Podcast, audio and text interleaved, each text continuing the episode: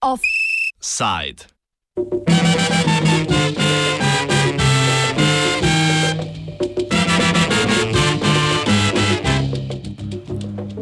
Protesti proti sistemskemu rasizmu so se razselili po vsem svetu, med drugim tudi v Izrael. V Tel Avivu pred ameriško ambasado so se sicer v majhnem številu prejšnji teden v torek zbrali protestniki s popularnimi vzkliki o tem, kako je potrebna pravica za vse, brez katere ni miru. Solidarnostni protestniki v prestolnici države so ob tem ignorirali očitno ironijo boja za pravice manjšine v ZDA, medtem ko v Palestini že več desetletij ni nemiru, še manj pa pravice. Ta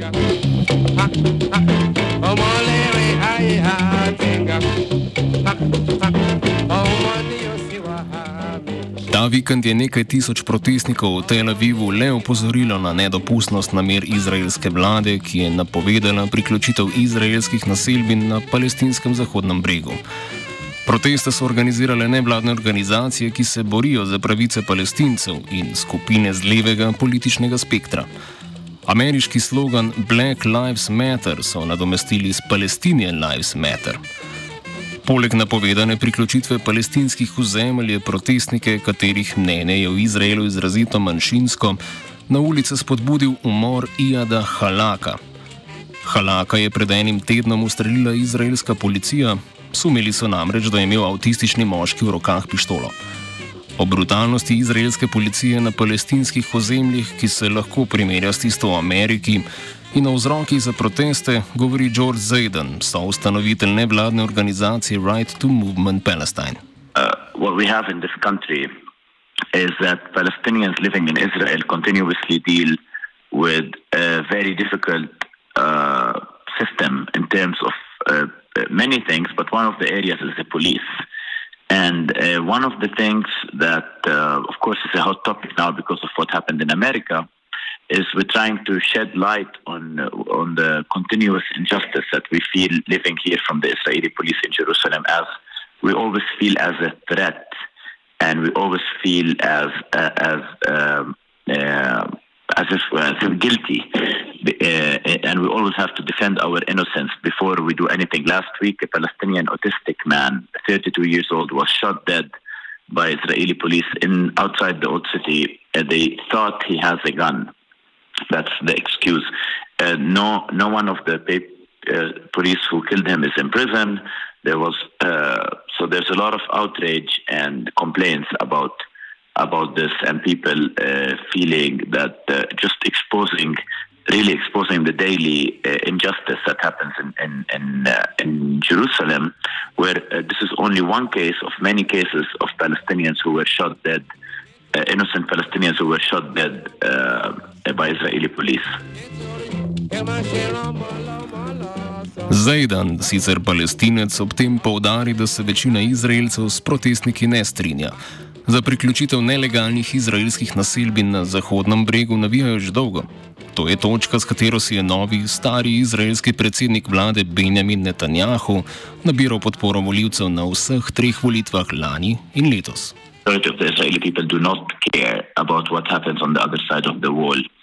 And they tend to uh, uh, focus only on their uh, so-called security because they supposedly we are uh, all Arabs are violent and that's how, how they, they, they treat us.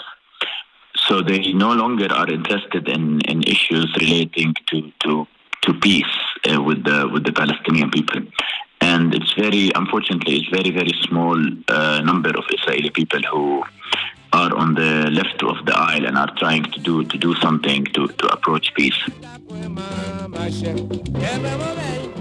Relativni zmagovalec letošnjih predčasnih volitev je bil sicer spet predsednik stranke Modro in Belo, sicer pa nekdani poveljnik izraelske vojske Benny Gantz, ki mu tudi v tretje ni uspelo sestaviti vladnega kabineta. Zato se je odločil, kljub nestrinjenju večine svojega bolj liberalnega dela volilnega telesa, da skupaj z nepriljubljenim Netanjahujem oblikuje vlado narodne enotnosti. S tem je dokončno razbil svoje modro-belo zavežništvo in tudi izgubil vsakršno pogajalsko moč.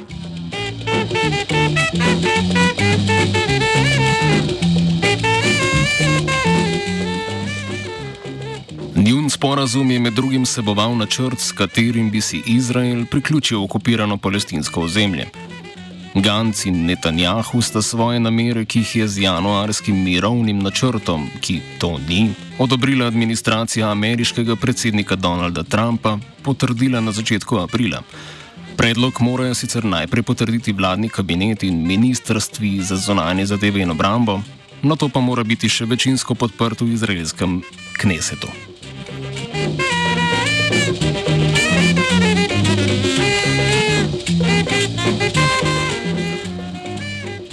Vlada narodne enotnosti s priključitvijo hiti predvsem zaradi podpore, ki jo imajo pri aktualni ameriški vladi. Če Trump novembra mandat izgubi, se lahko razmerja podpore nekoliko spremenijo. Natančneje zadevo razjasni Primoš Šterbenc, profesor z Univerze na Primorskem.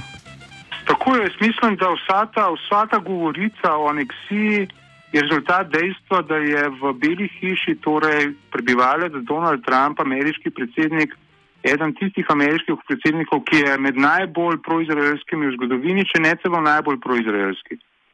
Torej, Trumpova administracija je do sedaj dokazala, da celo vrsto potez je popolnoma proizraelska. Ne pozabimo, da je med drugim tudi izredno torej, razglasila, da, da judovska naselja oziroma izraelska naselja na Zahodnem bregu ne predstavljajo kršitev mednarodnega prava. In pika na i je bil seveda tako imenovan, podarjam, tako imenovan mirovni načrt, ki ga je Trump oziroma njegov zet Jared Kushner ki sta ga predstavila januarja letos. Veliki zaveznik Trump s podpiranjem izraelskih teženj v regiji skrbi predvsem za svojo ponovno izvolitev. Ne pozabimo, da najbolj zvesta Trumpova volilna baza so evangelici. To so tako imenovani konzervativni protestanti, ki verjamejo, da je vse, kar je zapisano v svetem pismu, absolutna oziroma dobesedna resnica in pričakujejo, da bo prišlo do drugega prihoda Jezusa Kristusa na zemljo. Drugi prihod Jezusa Kristusa na zemljo pa naj bi se zgodil šele po rekonstituiranju svetopisanskega Izraela. Zato na vsak način hočejo torej, podpreti in doseči oblikovanje velike izraelske države skupaj tudi na ozemljih Zahodnega brega, kjer je imel kralj David naprimer svoj sedež. Torej, ker so ti najbolj zvesti podporniki Donalda Trumpa, se jim bo Donald Trump hotel med drugim dolžiti tudi s tem pred volitvami, da bo Izraelu dopustil to aneksijo.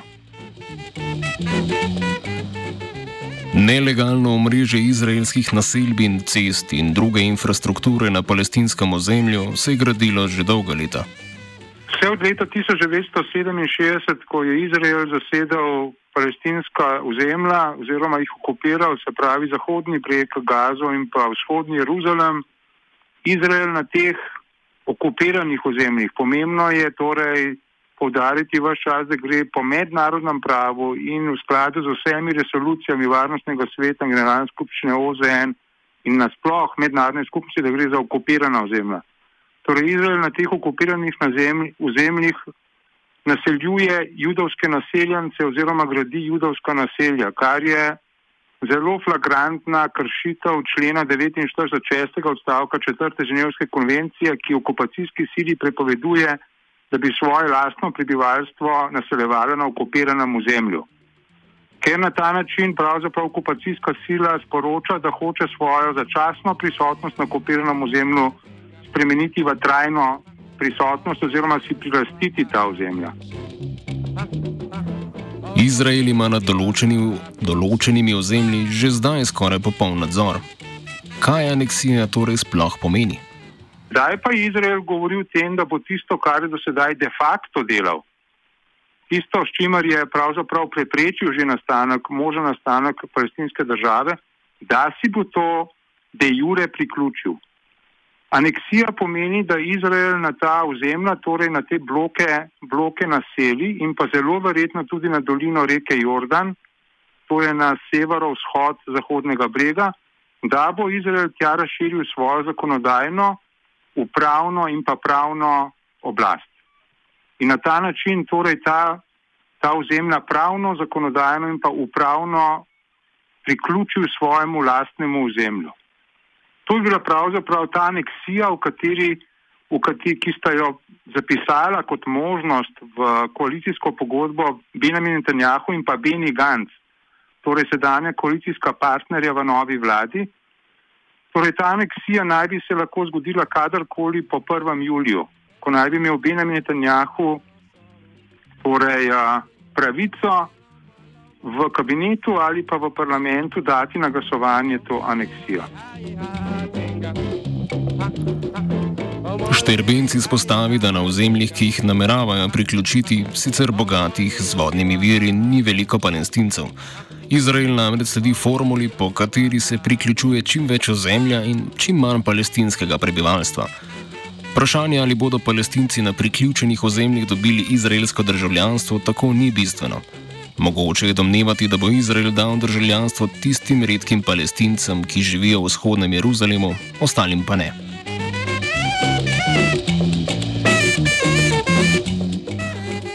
Eno izmed vprašanj je tudi, ali bo med aneksiranimi ozemlji tudi dolina reke Jordan. Uh, ker je Trump v svojem tako imenovanem mirovnem črtu torej navedel tudi to, da si Izrael lahko priključi tudi to dolino reke Jordan, je mogoče kredibilno oziroma dokaj zanesljivo pričakovati, da bi aneksija zajemala tudi dolino reke Jordan. Res pa je, da moramo vedeti, da se vsi mednarodni akteri, tako ameriški kot tudi evropski in pa tudi no, večina arabskih, v bistvu pretvarjajo oziroma hlinijo na nek način hlinijo nekaj, da še vedno hlinijo to, da še vedno lahko nastane palestinska država. Na nek način ustvarjajo nek lažen vtis, da grejo stvari dobro naprej. In dopušča možnost, da ravno zaradi tega, da bi se to sprenevedanje, če je palestinsko državo še vedno mogoče ustanoviti, da bi se Izrael nekoliko zadržal in da ne bi v tej fazi anektiral tudi doline reke Jordan. Palestinska vlada pod vodstvom Fataha že dolgo deluje kot podaljšana roka izraelskih interesov, pri čemer tudi zaradi pritiska mednarodne skupnosti dostop do odločevalskih funkcij onemogočajo Hamasu, ki upravlja s palestinsko enklavo v Gazi. To je treba posebej podariti. Izraelu kot okupacijski sili izjemno olajšuje okupacijo. Okupacijska sila, to Izrael, bi morala sama zagotavljati varnost na okupiranem ozemlju, tako pa to nalogo vse čas upravlja upravljajo varnostne sile palestinske oblasti, ki jim poveljuje Mahmud Abbas. Tako ni čudno, da Izrael nadaljuje svojimi ukrepi priključevanja in okupacije, ker nima pravzaprav nobenih stroškov z okupacijo. Za, poli, za policijo oziroma varnostne vidike, za, ali bolj plastično rečeno, za, za zatiranje morebitnih palestinskih protestov poskrbi kar sama palestinska oblast Mahmuda Abasa, ekonomske vidike plača Evropska unija, medtem ko Izrael pred mednarodno skupnostjo branijo Združene države Amerike. V bistvu bi morali bolj gledati na to, kaj dela Hamas. Hamas je edina palestinska sila, ki se še dejansko bori proti izraelski okupaciji in ki ni tako kot eh, Fatah v bistvu položila orožja, eh, priznala Izraela in v zameno dobila nič tako rekoč nič, nikakršne države, zgolj zadovoljitev svojih vlastnih ekonomskih interesov in pa nekaj supermarketov za palestince. Toliko o opevani rešitvi dveh držav. Offside je pripravila Aida.